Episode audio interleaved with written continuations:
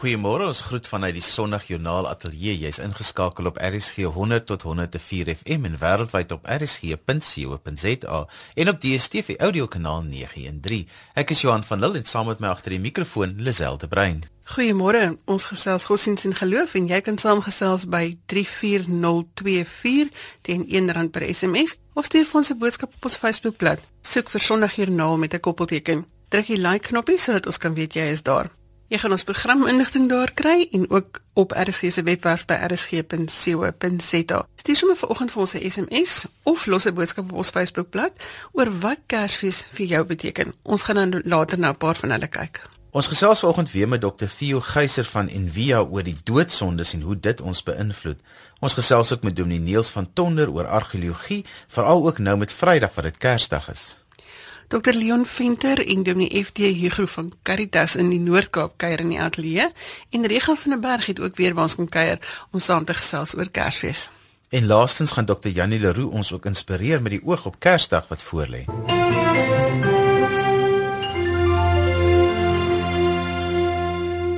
Ons het die afgelope 2 weke 'n bietjie gesels oor kwesplekke in ons lewe wat ons ook noem in die Bybel doodsondes en saam met ons in die ateljee weer vanoggend is Donisio Geyser. Hy is predikant by Envia, 'n kontemplatiewe geloofsgemeenskap en hulle streef om deur stilte hulle self en die woord te verstaan. Goeiemôre Theo. Môre Lisel. Jy ons het verlede week so 'n bietjie gesels oor Welles, maar ons het ook geraak aan vraatsig en ek het gesê jy moet jou storie hou want een van die dae is dit Kersfees. en ons weet hoe dit gaan met 'n Kersfeesmaaltyd. Hoe moet ons dink oor vraatsig? Kyk Lisel, dit dit klink sleg nou net as jy sê vraatsig, jy weet, en dan onmiddellik dan dink ons aan mense nie soos ons wat vreeslik eet ergens op 'n vreemde land of 'n planeet. Uh maar ja, ons op 'n manier het die Here vir ons 'n begeerte weer. Ons het verlede keer daaroor gepraat gegee na kos toe. En nou wat kos en wel is nou so uniek maak van al die doodsondes en wat dit eintlik meer problematies maak is dat ons het dit nodig vir die voortbestaan van hierdie planeet. Verstaan jy? Ons ons kan nie sonder dit nie. Maar nou die vraag is, so waar's die afsnypunt van noodsaaklikheid om voort te bestaan en dan net 'n begeerte wat dalk 'n verterende begeerte kan word. Nou laat ek begin met um, hoe die antieke ouens gedink het oor kos. En kyk nou veral hier na Christus, moet jy besef Lisel dat kyk die Romeine het verskriklik geëet, nê. Hulle het letterlik gelees hulle eet. En en dit was walglik. En die Christene het gerebelleer teen hierdie manier van eet.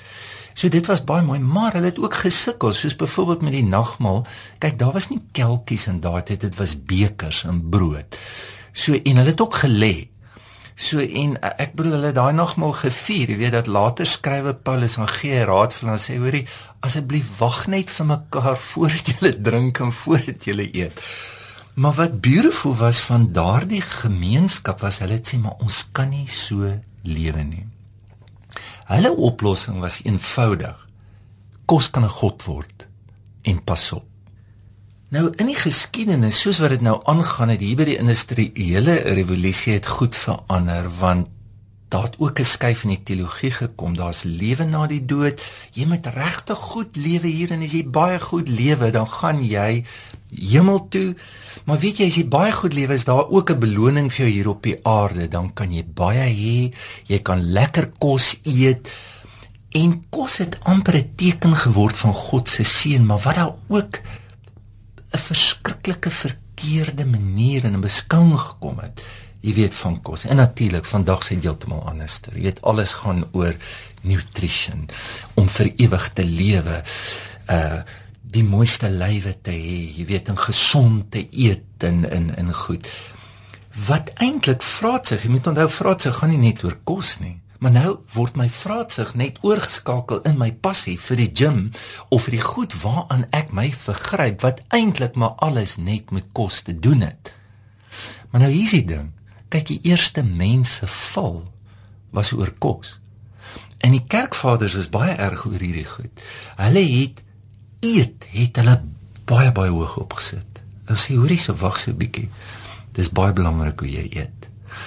Nou ehm um, ek het genoem Gregorius die Grote. Hy het die doodsonde se 9 verander na 7 toe, maar hy het iets verskriklik mooi gesê. Hy het die woorde gebruik as jy nou jou sonde wil sien en hom erken. Hier's dit. Too soon, too delicately, too expensively, too greedily, too much. Wil jy weet waar is jou probleem?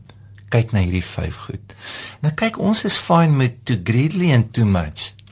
maar ons dink nie aan too soon, too delicately, too expensively, too greedily, too much. Nou Lisel die ou is eintlik ongelooflik, nê? Nee, in daardie jy kan nou dink 600 jaar na Christus nou kom en nou sê hoe moet jy eet? Nou sê nommer 1 tyd. Dis belangrik, jy moet stadig eet. Kyk, alles vandag is fast, nê? Nee? Fast foods ons gee ook nie meer om met ons en ons het ook nie tyd nie soos wat ons loop eet ons en hy sê jy moet jy moet lank eet. En kyk hy het Bybeltekste en stories vir alles want hy sê hoorie onthou julle Jonatan sy pa het vir hom sê moenie tussen die eet as jy eet nie toe gaan eet 'n heuning. Jy eet ook nie tussen nie. Die tweede ding het hy gesê jy moet kwaliteit eet. Jy gee jou beste vir mense soos die beste wyn laaste, jy weet die beginsel in die Bybel. Dan het hy gesê kwantiteit Jy kan nie te veel eet. Jy weet daar's van die geloofsgemeenskappe in die monasteries wat hulle letterlik vir jou soos dit eet jou kos geweeg en dan hulle vir jou sê kyk ons gee jou help en jy kan nie jouself help nie. Dis hoeveel jy nodig het om te lewe. En dan die vierde ding wat hulle gesê dit gaan oor die stimulus. So pas op, onthou julle Esau het sy eersgeboorte reg verkoop. Maar dit nie doen nie want alles is sintuiglik. Nou Lisel dink net daaraan, jy weet vandag gaan alles oor hierdie ongelooflike restaurante, die eksotiese kosse, die jy weet en dan vat vat ou Gregorius jou na Numeri 11 dan sê onthou jy het verlang na die vis in Egipte na die knoffel en na al daai goed. So hulle het baie daarvan gemaak en dan die laaste ding het hy gesê met wie eet jy? God kom deur kos na ons toe. So, het jy mense wat nie soos jy is waarmee jy eet nie. Kos is gebruik om 'n verbond te, te te maak. Kos word gebruik om liefde te gee. Kyk en jy sien dit in Jesus se lewe nie in daai Joodse tradisie dat die groot aanklag teen hom is maar hoor kyk my wie eet hy? Kyk waar kyk waar is hy? Nou, ek wil hierdie wysheid vir my ongelooflik want as jy nou Ek dink net aan die wetenskap vandag van kos dat sê hulle op 'n ander manier eintlik alles wat hierdie ou gesê het dat um, ons kry mood foods. Jy weet. Ons eet letterlik uit ons siegheid. Ons het ontwerperskos, ons het tradisionele kos, ons het organiese kos, ons het slimline, ons het en ons het ook sekere plekke waar ons koop. Jy weet, ek koop by daai so dis ten diepste gekoppel aan jou identiteit. So dis baie meer lesel as om te sê hoorie so ons net nie soveel eet of so.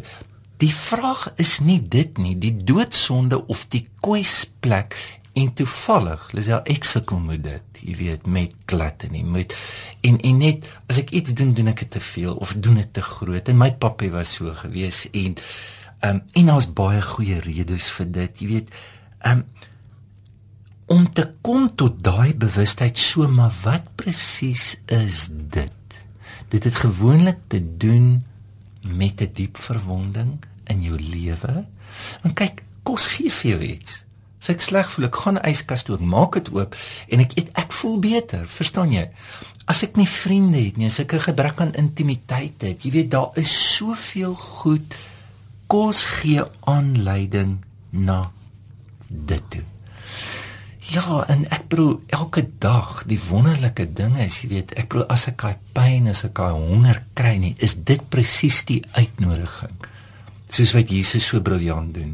Jy kan nie net van kos lewe, maar van elke woord. So die hongerpyn, die lus, die begeerte is eintlik my begeerte na God toe. En ja, ek dink die oplossing vir dit is so eenvoudig soos vas. Jy weet wat Jesus sê nie as jy vas wanneer jy vas. So vat alles weg waarmee ek my lewe toemaak, net dan spring daai begeerte in jou gesig in. So en wat sê dit vir jou? Waarna nooi dit jou uit in jou lewe? Dit is jou diepste begeerte na God toe wat jy dalk disgeoriënteerd projekteer op kos wat dit nooit vir jou kan doen nie. Sien met die oog op Kersfees. Voordat ons in die neete dop saam. Ons moet die dag gebruik om dan te kyk wie Jesus vir ons is. Ja, ons moet ons moet weggaan van die Romeinse eet. Eet laat ons lê. Dis wat op Kersfees gebeur. uh, maar ek dink Lisel om met 'n bewustheid God na die tafel uit te nooi. Want dis waarvoor ons eintlik bid en want en dis waarvoor dis waar Kersfees gaan. Die gebore, die verreëse Christus aan die tafel en om uit eerbied saam met hom te eet. Ek dink dit maak die verskil. En daarmee saam gebruik ons dan die geleentheid om vir ons luisteraars ook van Theo se kant af te sê Ja, geseënde Kersfees en eet wel want ehm um, ja, mense in die Bybel het lekker geëet. ek dink net ek gaan jou en Johan uitmekaar uithou oor my inkopie gewoontes want ek dink ek, ek het gesien hy het met 'n groot glimlag geluister na wat jy daar sê. Theo baie dankie dat jy vanoggend saam met ons gekuier het. Dankie Lisel. As jy sopas by ons aangesluit sê ons goeiemôre en welkom by Sondag Joernaal. Lisel het gesels met Dr Theo Geyser van Envia oor die kwesplekke in ons lewe. RSG se webblad het al die inligting van ons gaste vandag en daar's heelwat ander inligting ook daar te kry. Jy luister na Sonnig Joernaal net hier op RSG 100 tot 104 FM en wêreldwyd by rsg.co.za. Ons het gevra vir julle Kersfees boodskappe en Angelique Hannekom laat weet Kersfees herinner my daaraan dat die tyd hier op aarde min is. My gebed vir ons land is dat harte sal draai na Jesus Christus, ons enigste verlosser. Dominee Leon Venter en Dominee FT Hugo sluit vanoggend by ons aan om te gesels oor vroeë kindontwikkeling. Goeiemôre julle. Goeiemôre. Dis ja. FT is van Caritas Gemeenskapsfokus. Wat is dit? Verduidelik vir ons. Caritas Gemeenskapsfokus is die kerk se maatskaplike werkorganisasie in die Noord-Kaap en 'n deel van Noordwes. Ietsie oor Caritas Gemeenskapsfokus. Ons naam sê wat ons is. Caritas is die Latyn vir sorg, deernis, of dalk liefdadigheid of vir ons belangriker dade van liefde. Omdat ons saam met die kerk meer wil fokus op gemeenskapsontwikkeling, het ons die naam gemeenskapsfokus eerder as welsyn gekies. daarmee wou ons verseker dat ons nooit ons fokus op die gemeenskap verloor nie. Dis lekker om 'n bietjie die Noord-Kaap hier in die ateljee te hê. Hoe het dit gekom dat die kerk in die Noord-Kaapland by vroegkindontwikkeling betrokke geraak het? Lisel 'n mens wat uh, uitkomsgedrewe is en sukses wil hê. Dis 'n geloofsreis om betrokke te raak by gemeenskapsontwikkeling en by name vroegkindontwikkeling. Jy leer vinnig om met God op pad te wees. Moet jy nie haastig wees nie. Christus het altyd afgedraai na ander mense toe en vir alles by klein kinders kom was hy heeltemal te stadig vir die haastige disippels. Daar's geen kort paaie in gemeenskapsontwikkeling nie. My deelname aan die gesprek vanmôre is eintlik 'n geloofsbelijdenis. Ons het die afgelope 5 jaar gesien hoe dat die Here stil stil op verskillende plekke op verskillende maniere begin het met 'n proses en uh dit het nou begin momentum kry. Die goed het bymekaar gekom. So as jy my kort antwoord wil hê, hoekom hoe het die kerk betrokke geraak?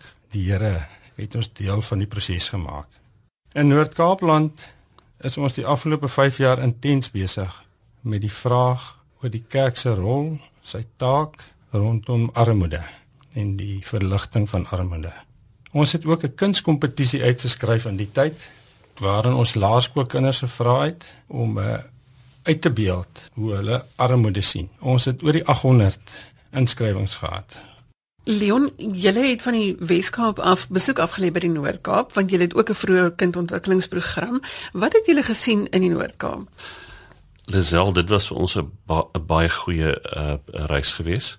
Ek gaan net vinnig oor vier uh, plekkies wat ons besoek het uh, vertel. Strydenburg, klein klein dorpie wat mense net eenvoudig verbyry wat 'n pragtige sentrum uh, uh, daar het wat deur 'n man bestuur word. 'n Professionele man met wat gegradueerd is wat ons net dink fantasties was dat die gemeenskap so betrokke is op Hopetown wat nou my uh alma mater is waar ek skool gegaan het hoërskool en ook laerskool op uh, 2 jaar was het hulle die kerk wat in die middel van die uh, dorp is se saal het hulle ingerig as 'n kleuterskool en ons dink dit is een absoluut fantasties.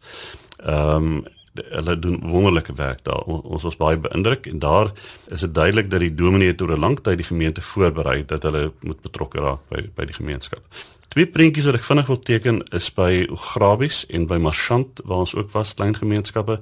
Ek dink nie ek gaan in my lewe die prentjie uit my kop uit kry in uh Marchant 40 grade uh die kleuterskool is in die VGK se kerkgebou. Elke is Vrydag dan moet hulle alles uithaal, die stoele weer inpak en daai 30 40 kinders, daar's net een doringboontjie so in die hoek van die erf.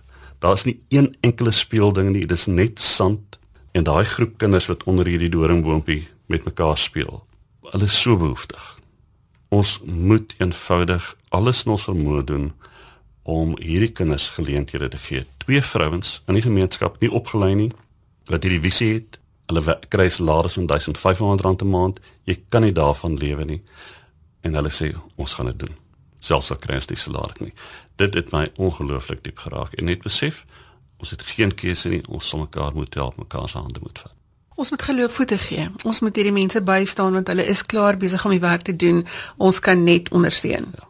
Nee, verseker en ons sal verbeeldingryk moet wees. Ons in in in die Weskaap hoop ons ons kan 'n bydrae lewer daaroor. Daar's bepaalde baie baie interessante prosesse aan die gang uh om vennootskappe te sluit op 'n oor 'n baie baie breë front. Ek sal graag by 'n ander geleentheid daaroor wil praat want vir oggend dink ek is dit belangrik om vir Noord-Kaap erkenning te gee vir die fantastiese werk wat hulle doen rondom vroeë kindontwikkeling. Efter die Noord-Kaap is wyd. Waar is julle oral betrokke met hierdie ontwikkeling? Lisel, miskien moet ek net eers sê Die ehm um, kleuterskole of vroeë kindontwikkelingssentrums behoort nie aan die kerk nie, dit behoort ook nie aan Caritas nie, dit behoort aan die gemeenskap. Ons help hulle net die kleuterskole bestuur om seker te maak dat daar goeie programme aangebied word wat die kinders skoolgereed kry. En hierdie proses kan ons nou uitrol op die uithoeke van die Noord-Kaap en die Noordwes. Ons is um, veral opgewonde oor die feit dat dit op afgeleë plekke is. Die naam wat miskien die beste dit beskryf is vergeleë, Tosca, Brei, Niekerkshoop, Marchant en uh, Ograbies. So vir ons is dit regtig uh, wonderlik dat ons as kerk en as maatskaplike werkorganisasie op plekke betrokke kan wees waar eintlik nie ander dienste gelewer word nie. As daar nou mense in hierdie gemeenskappe is wat hulle hand wil uitsteek en sê ek is 'n gelowige wil saam julle hande sterk maak, waar sou hulle inligting kry oor hierdie kleuterskole wat oral in sale bedryf word? Dis ja, ons um, het 'n webwerf uh, waarop dit goed geskryf uh, is.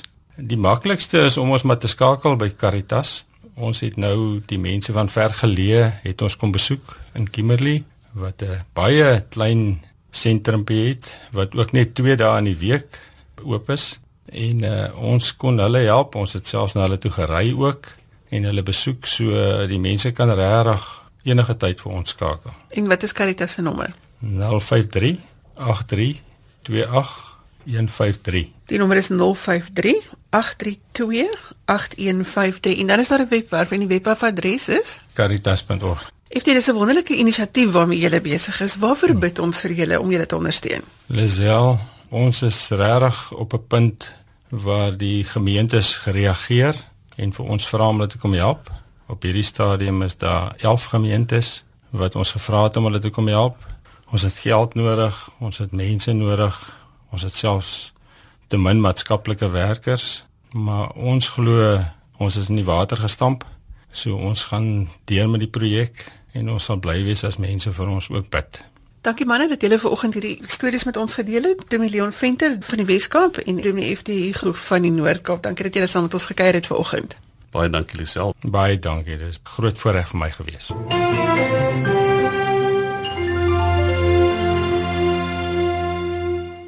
Kersfees is 'n tyd wat ons herinner aan gee en om sensitief te wees vir die behoeftes van ander. Lisel het gesels met Leon Venter hier van die Wes-Kaap en FT Hugo van Caritas in die Noord-Kaap. Elise Tim skryf haar wens vir Kersfees is dat ons die liefde wat Jesus vir ons gebring het, ook aan die wêreld kan openbaar sodat almal Jesus se liefde en vrede op 'n tasbare manier kan ervaar. Dankie daarvoor Elise. Die ster van Bethlehem vorm 'n belangrike deel van die geboorteverhaal van Jesus en daar is glo minstens in Sirië ontdek wat skynbaar met die geboorte van Jesus verbind kan word. Dominee Niels van Tonder van Rustenburg sluit vanoggend by ons aan om hieroor te gesels. Goeiemôre Niels. Goeiemôre Lisel, dit is baie lekker om weer 'n bietjie met jou te kan praat. Vertel ons presies wat is die storie Niels? Hulle het in 2004 in Sirië 'n ou Romeinse muntstuk ontdek waarop 'n ster en 'n beeld van 'n ram uitgebeeld is. Dr. Molnar, wat 'n emeritus hoogleraar in sterrekunde aan die Universiteit van Rutgers is, het die munt geneem en hy het dit baie deeglik gaan ondersoek. Nou as ek so vinnig die motief op die muntstuk kan verduidelik, dan sien 'n mens dat op die munt is daar 'n ram wat baie prominent uitgebeeld was. Hy staan met sy voorlyf na die regterkant toe gerig, wat waarskynlik bedoel was om die ooste kant te wees. Sy nek is baie skerp agtertoe gedraai, asof hy na iets bokant hom kyk. Nou net bokant die agterlyf van die ram is 'n ster aangebring wat ewenigs baie duidelik is. Nou Dr. Molnar is van oortuiging dat die ster waarna die ram kyk, 'n uitbeelding van die planeet Jupiter is wat saam met Venus in die konstellasie van die sterreteken van die ram beland het. Nou die verskynsel reken hy is die ster van Bethlehem wat die wyse manne uit die ooste gesien het. Hy het selfs 'n datum bepaal waarop die ster verskyn het. Hy gee twee datums aan waarop die ster in daardie posisie beland het. Die een naamlik 20 Maart 6 voor Christus en 'n maand later weer op 17 April 6 voor Christus. Nou die datum van 17 April 6 voor Christus is die datum waarop die ster van Jerusalem se kant af gesien die duidelikste bokant Bethlehem sou wees. By hierdie konstellasie van Jupiter in die sterreteken van die Ram het ook mos vroeër vanjaar in daardie posisie beland het dit nie? Ja, dit is heeltemal reg. Dit is die interessante daarvan. Volgens sterrekundiges gebeur dit maar slegs 2 keer in 'n 1000 jaar dat die planete Jupiter en Venus in die sterreteken van die Ram beland. En die laaste keer wat dit gebeur het was op 30 Junie 2015 vroeër vanjaar. Toe het Jupiter en Venus van die aarde afgesien weer in dieselfde lyn gelê en het die sterrelig wat daardeur veroorsaak is baie groter gelyk. Nou sterrekundiges het al baie daarop gewys dat daar gedurende die tydperk van 3 tot 2 voor Christus drie gevalle was waar Venus en Jupiter in 'n posisie beland het wat hulle van die aarde afgesien soos een ster laat lyk het. Die verskil is net dat daardie konjunksies nie binne die sterreteken van die ramp plaasgevind het nie.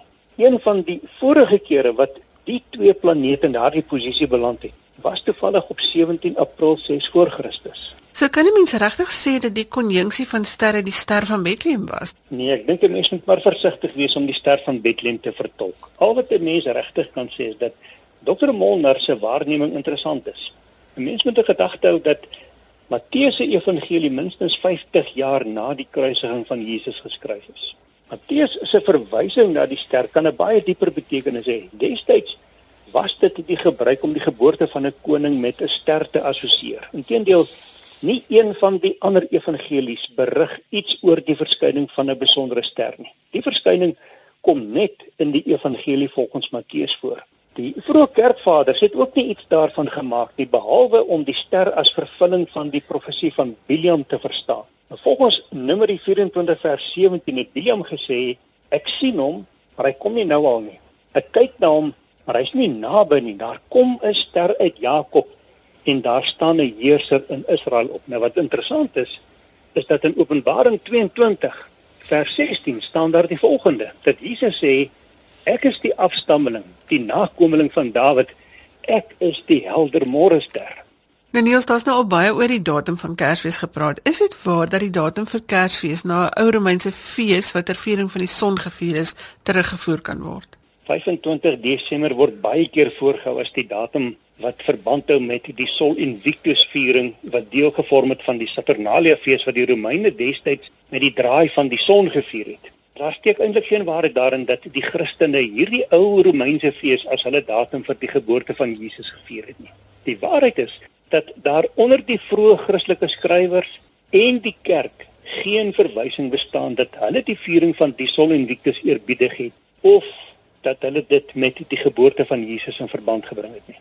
Die persepsie dat Kersfees met die ou Romeinse sonfees verband sou hê, is vir die eerste keer in die 12de eeu genoem. Daarna is die gedagte daarvan as 'n godsdienshistoriese feit vanaf die 18de tot 20ste eeu ontwikkel. En die voorstanders van die argument is dat die vroeë Christendom van heidense feeste gebruik gemaak het om die Christelike godsdiens vinnig deur die paganistiese wêreld versprei te kry.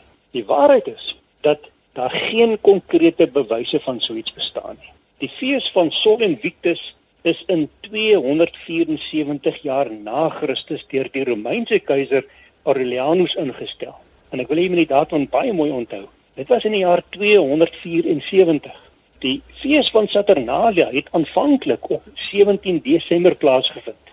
En oor die jare heen het die tydperk van feesviering uitgebrei en het keisers elke keer 'n ekstra dag bygevoeg totdat die fees later van 17 tot 24 Desember gestrek het. Aurelianus het in 274 na Christus 'n ekstra dag bygevoeg. Die kans dat Christene die fees as propaganda vir die Christelike geloof sou gebruik is eintlik baie skraal. Tot en met 313 na Christus is hulle vel deur die Romeine vervolg. Hoe sou hulle dan 'n fees van hulle vervolgers as 'n Christelike fees wou wy? Nou, waar sou die gebruik dan vandaan kom dat 25 Desember as die datum vir Kersfees gevier word? Dit is twee stories wat baie interessant is. Die eerste daarvan is dat die oudste konkrete getuienis wat Jesus se geboortedatum as 25 Desember aantoon kom van 'n Romeinse kalender uit die middel 4de eeu.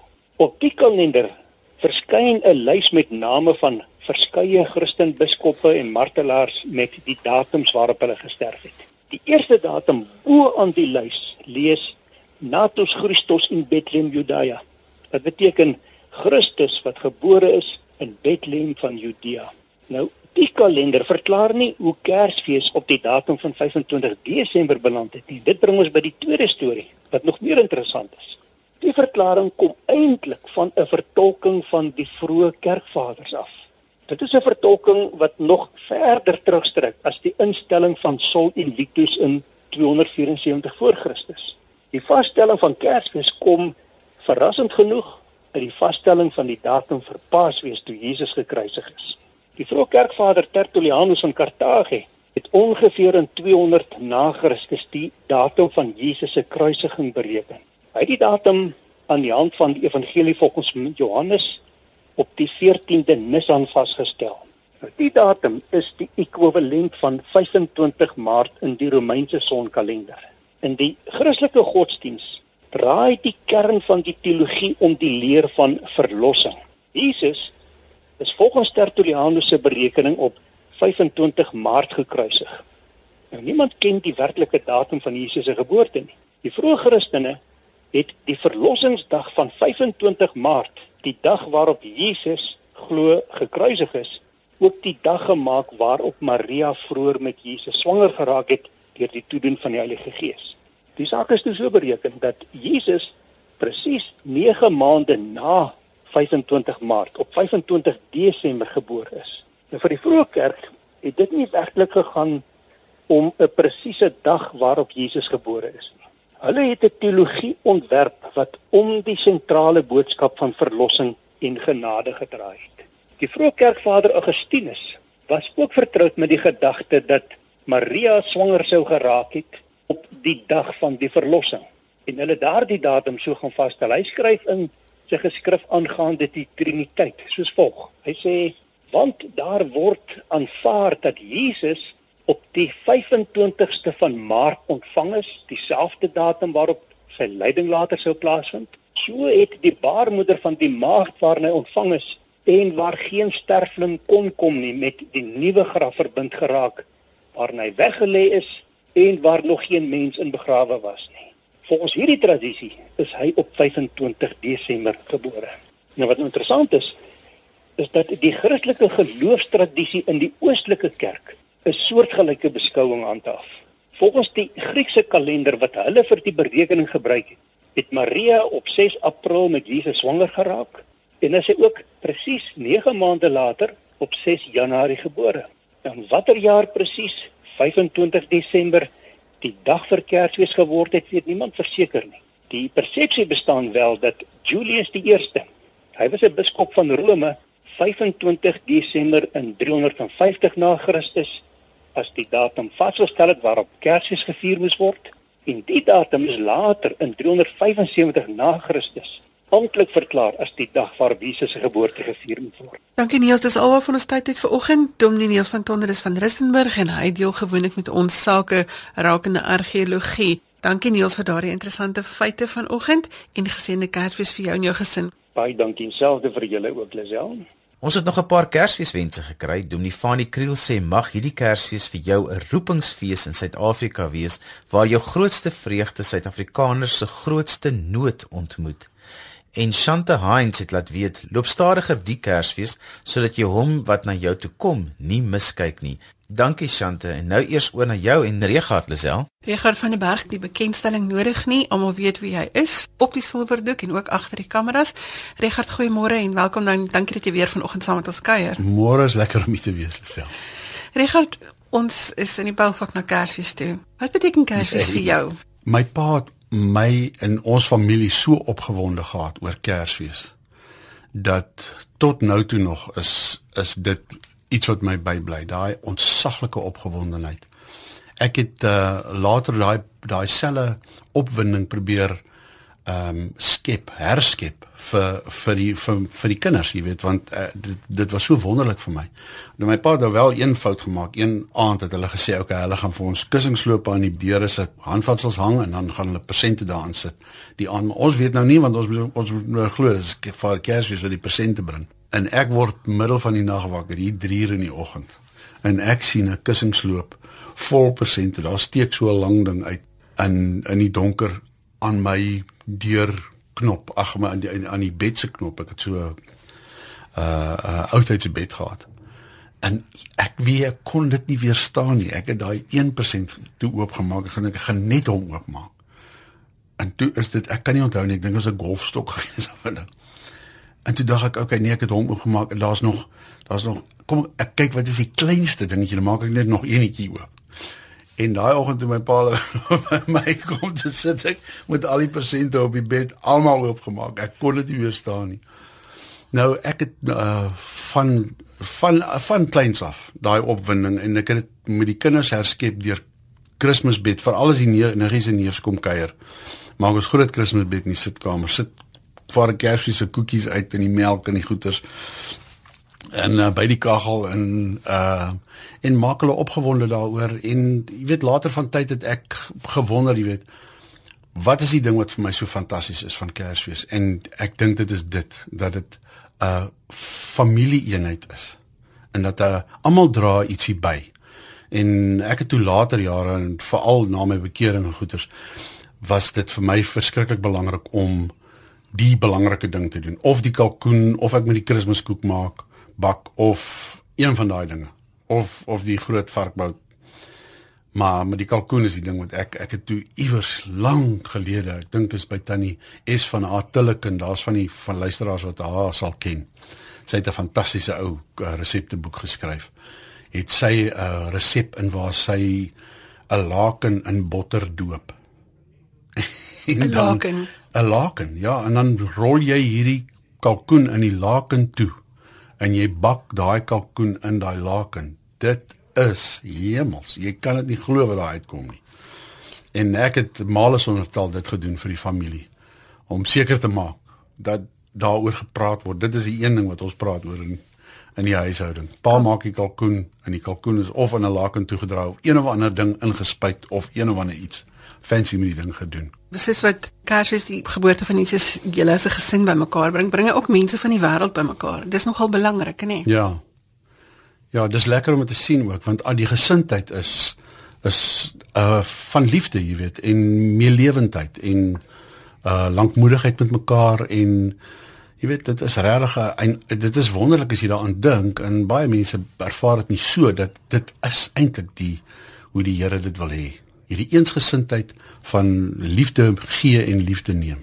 Want liefde is eintlik die grootste geskenk van Kersfees. Dit is die groot geskenk, ja. Jy gaan ons nou 'n boodskap kan gee vir die luisteraars wat vanoggend luister oor Kersfees. Wat sal jy in 'n netedop saamvat as jou boodskap vir Suid-Afrika vandag? weet dit sal moet die kern daarvan is liefde, 'n werklike liefde en ek dink jy weet my groot lesse wat ek geleer het, wat ek weet nie hoe dit kom nie, maar dat 'n ou besluit iewers in jou lewe. Ek gaan nederig wees. Ek gaan ander mense bo my stel. Die Bybel sê dit, jy weet. En en ag ander mense hoor as jouself en leef op daai manier en dit is ongelooflik en wonderlik wat terugkom na jou toe in jou eie lewe. Dis altyd beter om te gee as om te neem. En dis die boodskap van Regard van der Berg oor Kersfees. Ons wens vir julle almal 'n geseënde Kersfees toe. Regard, baie dankie dat jy jou Groot tyd met plesier. ons gedeel het. Geseënde Kersfees. Lisel in gesprek met Regard van der Berg. 'n Laaste boodskap of 2. Elise Parker sê mag jy hierdie Kersfees glo soos 'n kind, maar ek bid dat jy nie 'n kind in die geloof sal bly nie. En dan laaste sê Deline de Bruin, vir my beteken dit om te gee soos Jesus sy lewe vir ons gegee het om liefde en die lig van Jesus op 'n daaglikse basis uit te straal.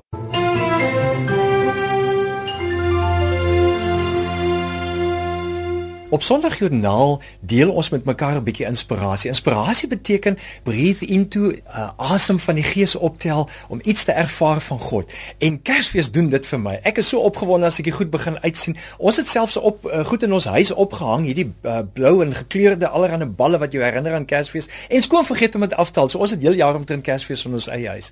Maar die lekker van Kersfees vir my nog dieper. Wanneer Jesus kom sê in in die Bybel hy sê my vrede laat ek vir julle na. Nie die vrede wat die wêreld vir julle gee nie, ek los my vrede vir julle. Dan beteken dit Kersfees is die tyd om hierdie vrede te ervaar, die shalom, die heelheid. En hoe doen 'n mens daardie heelheid? Jy gee vir iemand 'n glimlag, jy raak iemand aan, jy gee 'n drukkie. Jy sê net vir iemand ek waardeer jou en onmiddellik skuif daai hele koneksie en atmosfeer sodat daardie persoon in sy of haar gees die vrede van God kan ervaar.